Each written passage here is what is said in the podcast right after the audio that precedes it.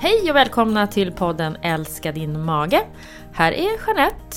Och Sofia och detta är då avsnitt Nummer 20 20. Precis. Vad- att- Det är nästan som ett litet jubileum. i sig. Ja, i sig. Och vi har ett annat jubileum idag. Nämligen... Tada! Den fina nya kokboken Vegetariska. För dig med IBS. Lugn mage. Med Grön mat. Äntligen här. Den är så fin. Jag sitter med ett exemplar här i handen. Eh, denna eh, fina kollega på bilden, Sofia. Hörru du, berätta lite. Hur tänkte du? jag är så Varför trött blev det jag kan inte berätta någonting. Du har berättat och berättat och berättat. Nu får du Ja. berätta lite till. Faktiskt. Vi har gjort Gud vad jag har gjort böcker. intervjuer på den här Ja, boken. det är så många som är Ja. intresserade. Det är, det är jättekul. De har fått ett enormt genslag, genslag, gensvar på Bonnier. Efter, alltså av sällan skådat slag enligt dem Vad själva. roligt. Så kanske det låter på varje bok. Men jag tror faktiskt att det här, är- vi har gjort otroligt mycket intervjuer. Alla verkar intresserade och det tycker vi är kul såklart. Det här ämnet verkar Såklart. ha spridit sig lite grann. Det är Mm. Både att det vegetariska ju har spridit sig, intresset för det. Mm. Och sen kanske också att det här med IBS och orolig mage som börjar kanske bli lite mer uppmärksammat. Och att de som har en orolig mage också vill kunna äta vegetariskt. Eller mycket grönsaker i alla fall. För det är det som Ja. vi är ju väldigt så här. äh, Vi är inte så, vad ska man säga, strikta. Vi är ju så här, gör det du vill, det du känner. Ät lite mer grönsaker då. Eller? Vi är lite balanserade. lite. Ja men så. Gjuter olja. Ja. Ja, eh, precis. Så är det ju. Alltså, jag, jag brukar säga då så här att varför kom den här boken till? Jo, av två anledningar brukar jag säga då. Eh, dels så, vilket vi har märkt senaste året, så har vi fått enormt mycket mera förfrågningar och efterfrågan på vegetariska och veganska recept. Eh, Vi har många som kontaktar oss och säger Hej, jag äter vegetariskt, kan jag vara medlem hos, S- hos, hos er i alla fall? Eh, kan jag köra FODMAP fast jag är vegan till exempel? Precis. Eh, Och eh, då svarar vi ja, det går alldeles utmärkt. Man måste bara tänka till lite extra. Så därför är det återigen, egentligen som allt vi gör i det här företaget, det är på efterfrågan helt enkelt har vi gjort den här boken. Sen är det ju också lite så här personligt statement från, från mig. Att jag brinner verkligen för att tänka att vi behöver äta mindre kött. Mm. För när jag är ute och pratar med folk och, och förklarar att det finns ju en rekommendation om att inte äta mer än 500 gram tillagat rött kött i veckan och inga skärpprodukter alls. Så är ju folk som frågetecken. Vad, vadå? Vad, vad, vad menar du med det? Var kommer det ifrån? Eh, ja, det är ju Världshälsoorganisationen säger jag då. Som har gett ut rekommendationer för att vi har sett att rött kött i eh, allmänhet, skärpprodukter i synnerhet, ger en ökad risk för tjocktarmscancer. Så med det sagt eh, så tänker jag att eh, för hälsan behöver vi äta mindre kött. För miljön behöver vi absolut äta mindre kött. Eh, och vi behöver framförallt äta kött som är svenskt i större utsträckning. För vi har mycket bättre djurhållning i, i Sverige än många andra länder. Vi använder mycket mindre antibiotika till våra djur. Eh, och vi har liksom eh, en ekologisk eh, produktion av kött som är fin. Får, små djuren får springa ute på ängarna och, Mm. Och när du beta. säger kött, då är det främst nöt och svinkött du tänker på? Eh, ja, men också lammkött. Eh, eller får, fårkött. Eh, viltkött har ju en lite annan, liksom, eh, ligger ju i lite annan grupp. Det, är- det, det är fortfarande i gruppen rött kött. Men där får ju djuren ofta äta det som är lite mer naturligt i alla fall. Så där är det inte lika liksom, processat och, och om man nu pratar om foder, sojabaserade foder och GMO och, och Roundup. Vi kan ju gå liksom hur långt tillbaka som helst bort i, i kedjan. Men jag säger ju alltid det också att jag är ju den som är vegan fem dagar i veckan och sen äter jag oxfilé dag sex och sju. Alltså jag tycker inte, det finns inga, det finns inga rätt och fel här. Man får göra precis som man vill. Eh, och därför så är ju den här boken bara en, en hjälp att putta lite i rätt riktning. Om man vill äta lite mer grönt så finns det recept här i som liksom kan, kan stötta lite där i kombination med att man också äter enligt FODMAP. Precis. Så Och att, om man ja. vill lägga till en köttbit eller en fiskbit så kan man göra det till de här Ja. fantastiska recepten som är i den här boken. Det är verkligen eh, roligt att se. Ehm, Ja, du har ju varit med. Jag har varit med och Ja. lagat en hel del men det är kul att se då under, man ser under produktionen när bilderna tas och så sen när det kommer resultatet i en färdig kokbok. Ja. Jag är ju väldigt förtjust i matiga sallader, det gör jag ofta hemma. Stora, stor, stor stor tallrik med allt möjligt på. Som är liksom middagen. Den här ljummen rotfruktssallad med chèvre. Vi har en krämig quinoa-sallad som är fantastiskt god. Den har jag gjort flera gånger. Ehm, Och då kanske man tänker så här, "Åh, ni har ju polkabeta som ligger där i skivor ovanpå. hur går det ihop med FODMAP? det är så man jobbar när man stylar kokboksbilder. Det snyggt också. Men ja, precis. Och det är ju det är ju bara så att äter man två tunna skivor polkabeta, ah, tre gram, Mm. så är det ingenting som magen förmodligen reagerar så mycket på. Eller så det- gör man inte det. Precis, och det tycker jag också är viktigt att säga med just när man säger FODMAP. För där är det ibland vi kan få så här frågor, ja men det här är ju gult eller det här är, sällan vi har rött med recept i några recept. Men, men eh, det här kan man väl inte äta i elimineringsfasen? Nej, eh, inte elimineringsfasen kanske, men sen är ju tanken att man återinför och att man hamnar i en gröngul och plus de röda som man märker att man klarar. Och då är det ju fritt fram när man märker vad man kan klara av. Ja, och Så vi har ju faktiskt med avokado Mm. i början här i våra frukostar. I s- någon smoothie och någon sån här bowl. Mm. Eh, Men då skriver vi ju tydligt att en fjärdedels avokado för den som klarar det. Som klarar det. Ja, annars så tar man bara bort den Ja. och då är inte receptet liksom förstört för det utan då kan man bara strunta i avokadon. Mm. Eh, Men det är också för att vi vet att många vill. Och faktiskt kan lägga tillbaka en liten bit avokado utan Precis. problem. Ja, och hela idén med FODMAP-kostbehandling är ju att försöka lägga tillbaka och Ja, verkligen. utvidga repertoaren Mm. när man väl har testat Ja. vad man tål och inte tål. Precis, Mm. precis. Men om man ska titta lite grann på en vegetarisk kost egentligen relaterat till FODMAP. Vad är svårigheterna och vad, liksom, vad, vad kan man hitta istället och ersätta det här med? Så brukar ju vi säga att, att lite av problematiken är ju att bönorna går bort och att sojaprodukterna går bort. Precis. Ja.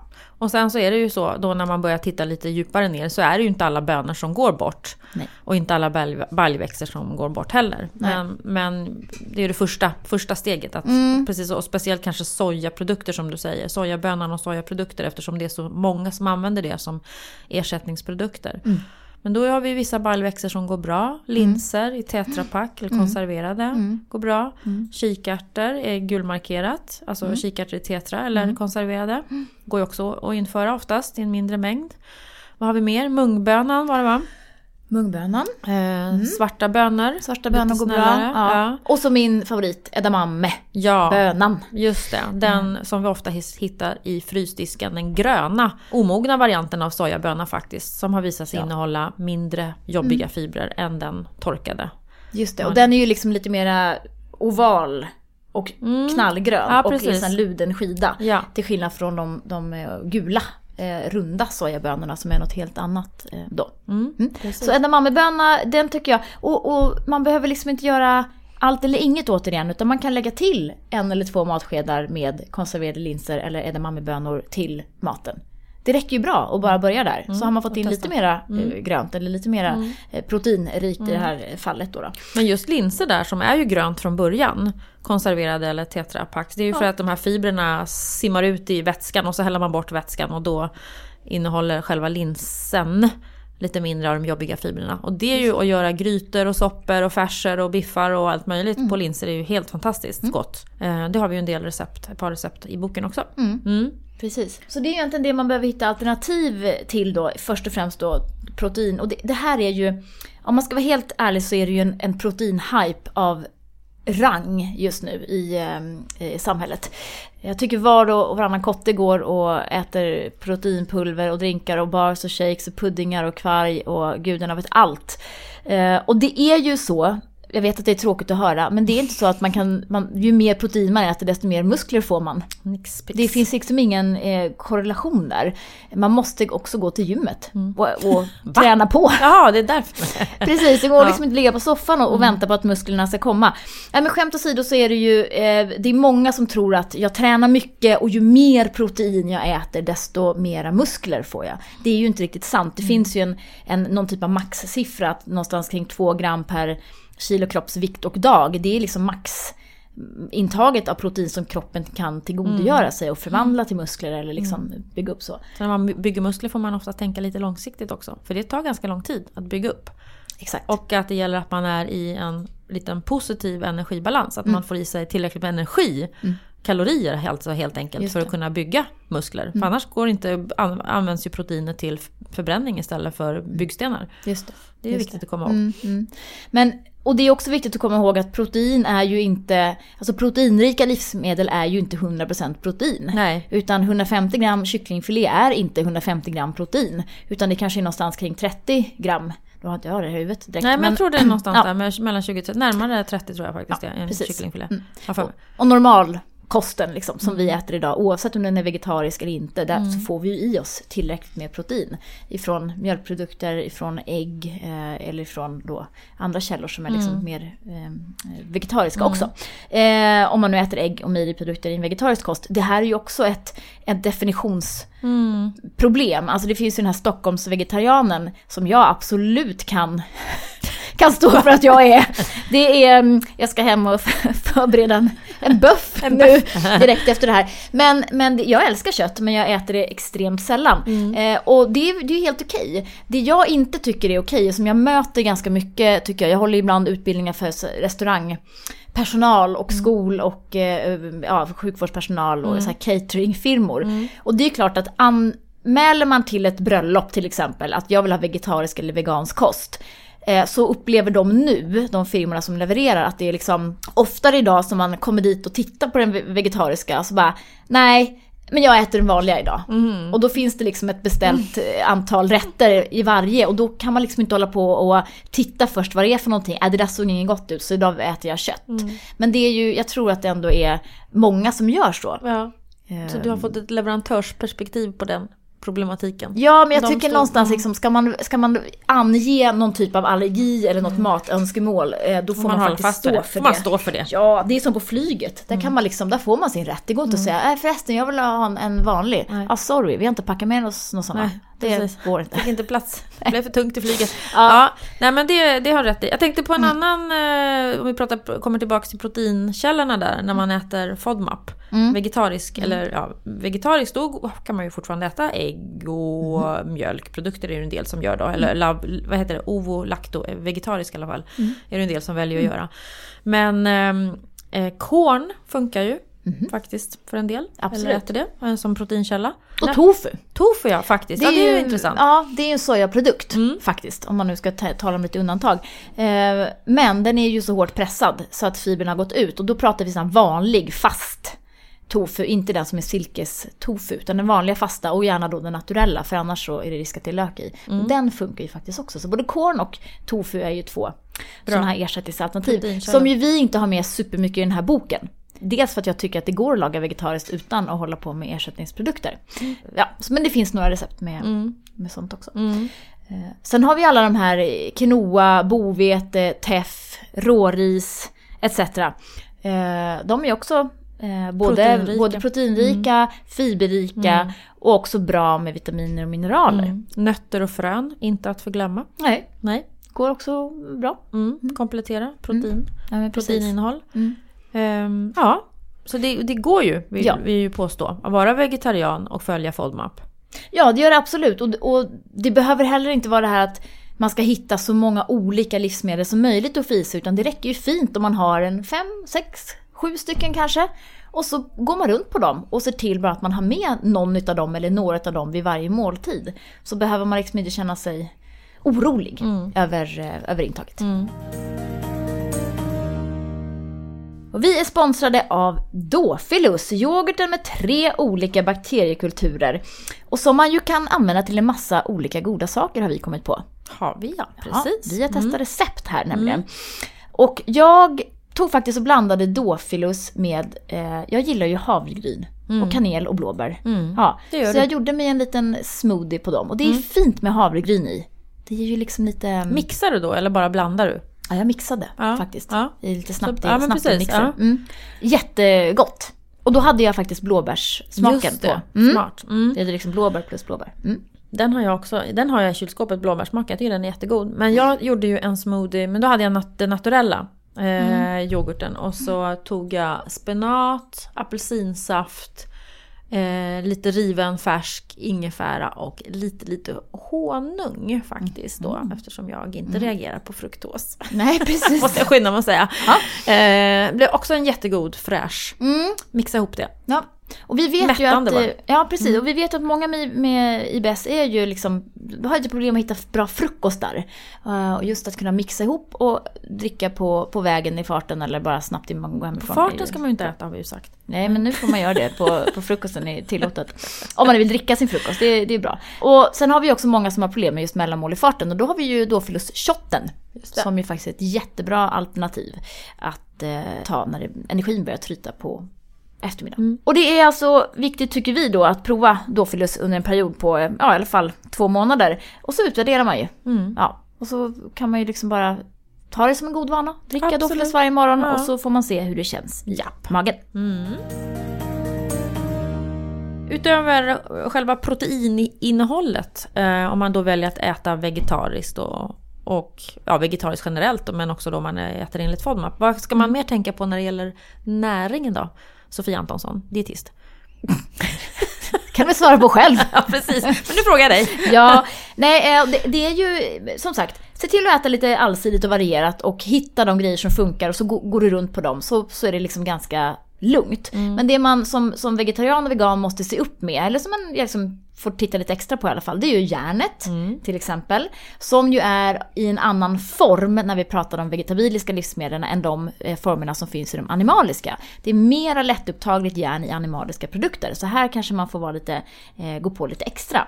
Järn, vegetariskt och FODMAP. Nu liksom är vi inne på tre, tre, tre kombinationer. Ja, precis här. Där har vi ju pumpafrön som är mina absoluta favoriter. Och nu, nu kommer ni upptäcka att det är många livsmedel som kommer åt det här. Som är proteinrika, de är fiberrika, de passar med FODMAP och de innehåller också mycket vitaminer och mineraler. Ja. Magnesium, järn etc. etc. Pumpafröna är mina absoluta favoriter. Välj dem istället för solrosfrön, vågar jag säga. Mm. Ehm, Eller väl de också. ja, Ja, vi fast mer pumpafrön. Ja. Mm, det, är, det är mer näring i dem. Eh, och sen har vi mungbönor och linser till exempel. Det är ju, eh, de har vi pratat om. Och sen har vi dinkelmjöl som är eh, rik på järn. Sesamfrön till exempel. Och då måste jag bara inflika här, dinkelmjöl, rikt på järn. Och sen så vet man också att när man surdegsbakar så bryts fetinsyran är det väl, som, som gör att järnet blir lite mer lättupptagligt. Gäller även för andra spårämnen ju, när vi surdegsbakar. Att det blir lite mer lättillgängligt, zink till exempel, för kroppen. Så det är bra. Precis. Dinkel surdegsbröd är bra. Och sen har vi ju då mina favoriter, nämligen havregryn.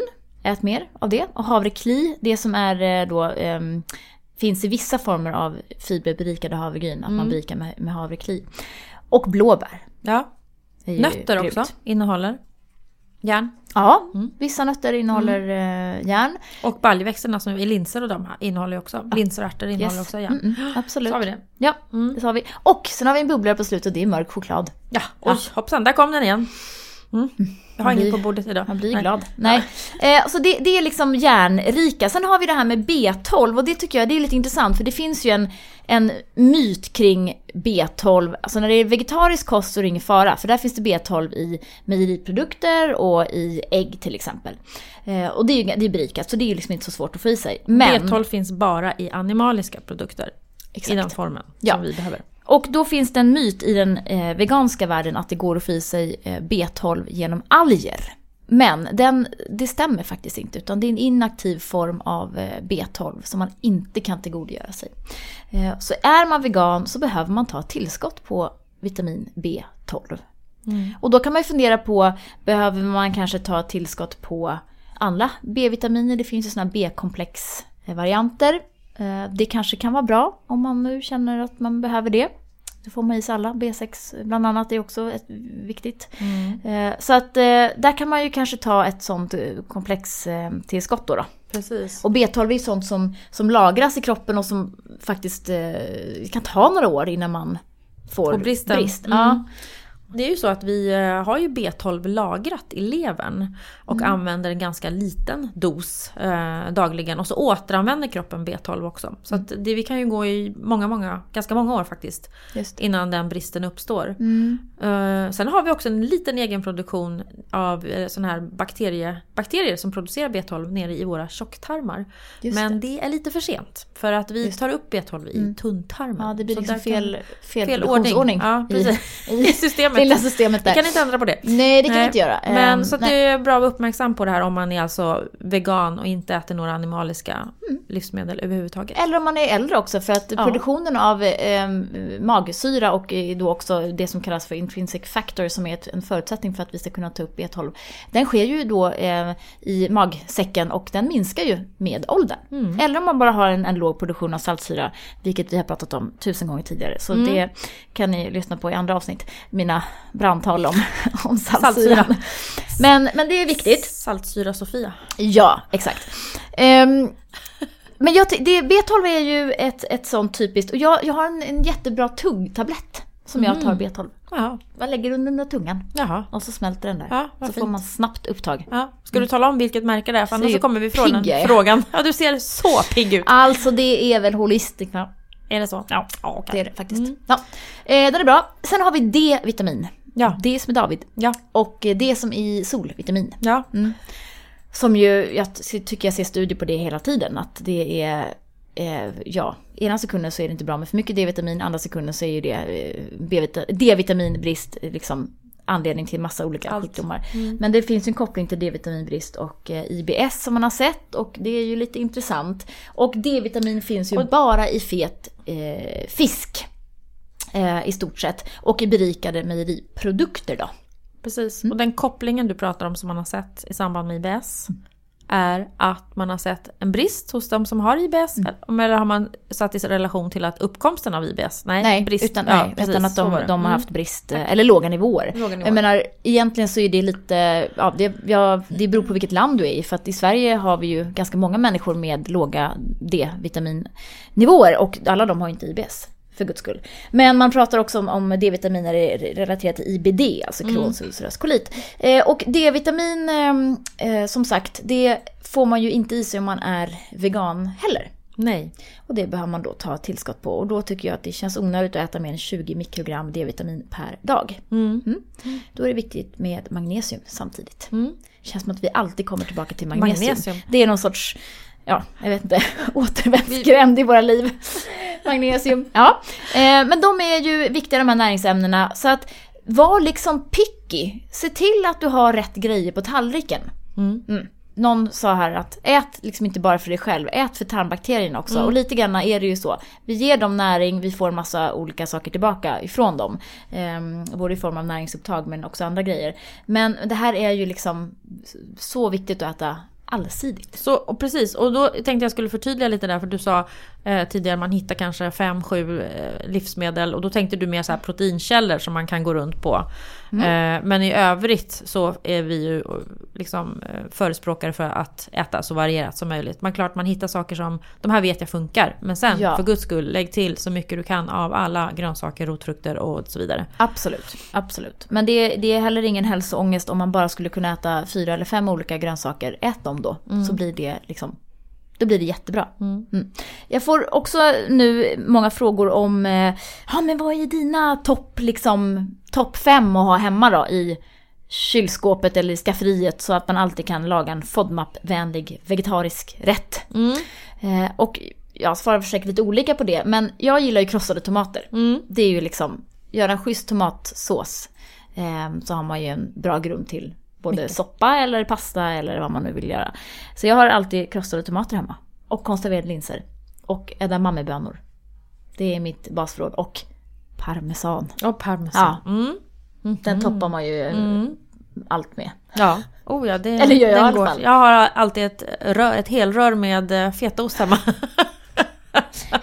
Ett helrör med... Fetaost. Nej men Ja. den här, jag tycker det är så himla smart. Man kan köpa de här, Ja, eh, vad heter det, metallrör är det med plastlock. Där det ligger såna här ganska stora bitar fetaost. Till en bråkdel av pengarna. För om man köper fetaost i små paket. Och den ligger ju i en lag, så den har man ju i kylskåpet ganska Just det, länge. den håller ju länge. Den håller länge, precis den är bra. Smart. Smula över sallader och Mm. soppor och så. Ja. Mm. Det finns ju svårighet att inte använda löken och vitlöken i Ja. maten. Eh, nu finns det faktiskt lite matlagningsfilmer på köket.se. Ja. Eh, ska det ligga matlagningsfilmer där jag lagar mat från den här boken. Mm. Mm. Kan man titta lite där. Och lite så här FODMAP-hacks, food hacks, eh, tips och tricks. Ja. Men många tycker att det är lite bökigt och då vill ju jag slå ett slag för salladslöken som vanligt, som ju alltid finns i butik numera året runt. Gröna delen går ju utmärkt att använda. Vi använder också vitlök i några av de här recepten och då har jag fått några journalister som har satt bokstavligt talat maten i vrångstrupen och Ja. bara “men gud vad är det här?” Ja. Men det är ju för att vi eh, fräser vitlöken i olja. Just. Och sen plockar vi bort Bitarna. vitlöksbitarna. Så kan man fortfarande använda den där oljan. Mm. Eh, och sen färska kryddor är Ja. någonting som vi eh, använder Det. en del. Vill jag verkligen slå ett slag för. Ja, då Och kan vi- du prata med min sambo om du vill. Ja, det vill jag gärna. Han odlar den. Alltså, Han odlar den. Ja, ja. Men, och, verkligen. Och det, är, det här är inte dumt alltså att försöka skaffa sig en, en eh, vi har ju köpt en sån här hydroponisk odling. från Ikea. Har jag hört. Eller Visst var det så? Ja, precis. Ja. Mm, den här Man får stora, säga så. stora möbelvaruhuset. Ja. Ja. precis. Eh, vi har köpt en sån. Eller han har köpt en sån. Ett sånt här litet höghus med eh, odlingsgrejer. Och så odlar man i grus. Mm. Ingen jord. Bara grus, vatten och näringslösning. Och det alltså, växer. det växer. Det, man kan ju se från dag till dag. Ja. Och det är så här, han, han hälsar inte mig på, mo- på morgonen längre. Han bara går direkt ner till myntan och säger Åh vad fint det är här. Vad fint det ser ut. Okej. Han har ehm, blivit otrogen med en mynta. Ja det har han faktiskt Ja. blivit. Men, och just mynta som ju är liksom så ovärt att köpa Ja. i butiken. Det är ju superdyrt och det är liksom sju blad på en myntaplanta. Skaffa en hydroponisk odling. Så himla trevligt. Väldigt ha trevligt. konstant Ja, jag, bara tänkte, jag, känner, jag känner mig nästan manad till att göra det. Också om man eh, går till eh, affärer som har lite mera utländskt eh, urval. Och så kan man ofta hitta buntar av mynta, ehm, basilika, koriander. Brukar man kunna hitta liksom en bunt för 14,95 istället för tre kvistar. Jag brukar gå förbi en sån affär ibland och köpa Mm. såna saker. Och just för det som jag vill säga är att var inte rädd för om man gör en sån här sallad, en matig sallad, alltså blanda. Mm. Basilika, mynta, gräslök liksom och ta hela knippen och bara Mm. hacka upp och blanda i sallad. Det blir ju så fräscht och så Mm. gott. Så vi, är så här, vi är så lite fjuttiga med det där. Vi tar tre basilikablad och så bara, ja, det känner man inte. Utan Nej, ös exakt. på liksom. Vi pratar nävar. Ja. Och är man då självförsörjande på det här då kan man, då kan man ta hur mycket som helst. Alltså jag känner verkligen, jag känner verkligen att jag kanske ska köpa sånt där. det gör det. Du Jag kan också det. ställa det var som helst. Ja, Alltså- hemma hos er alltså. Ja, nej, ja, eh, nej, helst inte. Du får betala hyra. Nej, men ehm, eh, nej, fast däremot så kan du ställa ditt förråd. Eller en garderob. Jaha. För det är ju det är ju belysning i, som Ja, står ja. på dygnet runt. Fast så det det- blir ju jätteljust. Ja, Ja. men den kan man väl, är, väl, är den inte lite fin då om den står framme sådär? Jo, det är ja. också. Den är dekorativ. För jag har ju, jag kan ju faktiskt ställa den ute, eller är det i vardagsrummet? Nej. Ja, det får du. Kontoret. Ja, precis. Ja. men den är jätte, jättebra. Och det är ju framtiden, Ja. hydroponisk odling. Det är ju så häftigt. Alltså det, är, det finns ju nu ställen i Stockholm här när de börjar fylla på gamla parkeringsgarage med sådana hydroponiska odlingar. Då odlar man ju i staplar liksom. Just det. Eh, och det är så himla smart för att du behöver ju nästan inget vatten. Du Nej. fyller på lite vatten men de, växterna står ju i vatten. Rötterna står ju i vatten och näringslösning konstant. ja. Och i sådana slutna liksom, system, slutna Ja. ekosystem. Ja. Liksom. Ja. Så att du, det går ju åt mycket mindre, mycket mindre vatten eh, och du, det här ljuset, det är ju Mm. Ja. LED, LED-lampor liksom. Så Så, det är de är ju också heller- väldigt... Eh, så Så nu kommer ju, Ikea att få slutsålt på sina hydro, vad sa du, hydroponiska ja. Odlingar. ja, men det kan väl de få. det kan väl Ja, vara. Vi de- bjussar på den Ja, det jag. gör vi verkligen. Ja. verkligen. Och det är, det är så Ikea. roligt och det är som ett litet projekt. Om man nu känner så här, men jag har verkligen ingen hobby. Jag behöver någonting att liksom... Jag har Ja. inga vänner, min fru vill inte hälsa på mig på morgonen. Det är därför jag går precis. ner och hälsar på myntan. Exakt. Om ni känner så, skaffa er en sån här. Det blir er nya bästa vän. Jag ska ha en tror jag. Ja, verkligen. Men tips. Och det är så himla effektivt och härligt att smaka av maten med färska kryddor. Bara så strössla lite på toppen när det är klart. Då blir det ju liksom en helt annan upplevelse. Mm. Verkligen. det är Mycket matprat idag kände jag att det blev. Ja. Vi har, vi har mycket efter, det är av naturliga orsaker då. Ja. Eftersom vi pratar om våran vegetariska kokbok. Precis. Eh, jag ska... Har vi något mer intressant att säga idag? Ja, det har vi faktiskt. Eh, och det är relaterat till någonting som jag har uttalat mig om, eh, eh, om för några veckor sedan. Det är en, ett, en kapsel som har kommit. Eller den har inte kommit än, men den är på väg. Eh, som är eh, ganska stor. Som man sväljer. Och i den här kapseln så finns det en liten sändare. Så den åker ner i tarmen. I ja, hela, hela tarmsystemet. Pratar du om en studiespaning du har nu? Eller Ja, en det här är en en studies- studiespaning? ja. Ja. Fast att vi vet. Så Ja. att vi inte tror att vi börjar göra reklam för en kapsel nu som man ska Nej, svälja. oh, nej. nej. det här är bara Ja. Mm. en, en allmän hälsospaning. Ehm, det är australiensiska forskare som har tagit eh, fram då en, en, den här lilla kapseln som är en liten mino, mini dator, typ. Eller ja, så sensor kan man säga. Eh, som då plockar upp, eh, läser av mag-tarmsystemets olika gaser då, vätgas, syrgas och koldioxid. Och man får helt enkelt en, en profil på vilka gaser man producerar i magen och kan lista ut vilka tarmbakterier man då har och hur de reagerar på olika sorters mat. Och det fina med det här då, det är ju att den här informationen från kapseln skickas ju direkt till en app. Såklart. Såklart. Mm. Och Vilket ju gör mig lite bekymrad också. ja, men då, låt säga då, den här kommer ut på marknaden om två år tror de. Låt säga då att gemene man springer och köper den här för de tror en tusenlapp kommer den att, att kosta. Så sväljer man den här och så får man ut någon litet data i appen och så går man till sin läkare och säger du eh, kolla så här ser jag ut i min eh, mage. Mm. Alltså vad ska den här stackars läkaren göra åt det? Mm. Det vet vi inte ännu. Det vet vi inte ännu. Så Appen det kanske gäller... kan tala om det då. Ja, det, det kanske är någon sorts AI-lösning, det vet jag inte. Nej. Men det är, ju, det är ju otroligt spännande, jag vill inte vara bakåtsträvande på något sätt, utan det här är jättespännande, men problemet är bara att vi då, som jag klassar mig själv, som ändå någonstans jobbar inom sjukvården och ska försöka ta rätt på liksom den här informationen och göra något vettigt av den och ge ett adekvat råd eller ja, det ser ut som att du skulle behöva lite mer av det här. Där är ju inte vi riktigt ännu och jag hoppas bara att vi kommer ikapp eh, också. Så att vi kan ge något Ge bra råd. Ja, precis.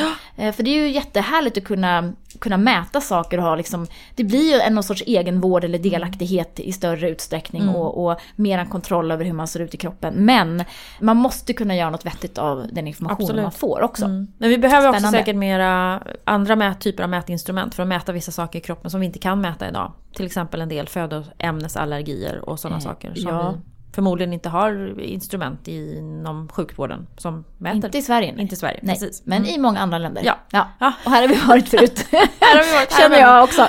Ehm, ja, det var min hälsospaning eh, den här veckan. Mm. Och vill ni nu köpa den här fantastiska kokboken så finns den med en liten rabatt på bokus.se slash lugn mage tror jag. Mm. Rabattkoden heter då också lugn mage. Så får ni 20 spänn rabatt på boken. Bra! Köp den! Ja. Ja. Och vi tackar också Mag-tarmförbundet som är våran eh, sponsor.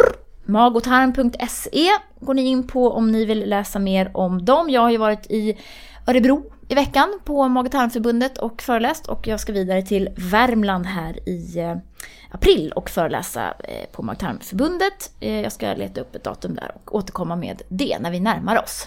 Bra! Bra föreningar, jag gillar dem. Mm. Kul! Och sen är det väl bara att avsluta med att säga, vill ni läsa mera så finns det massa information på www.bellybalance.se, vår hemsida. Och eh, ladda även gärna ner vår app som är ett bra hjälpmedel när man följer kostbehandlingen FODMAP. Vi har den här eh, super... ehm, superbraiga skannen som man kan köpa till appen. Eh, Där man kan skanna på livsmedel på innehållsförteckningen eller på EN-koden. Om det är okej att äta i FODMAP-kostbehandlingen. Många är Precis. glada för den.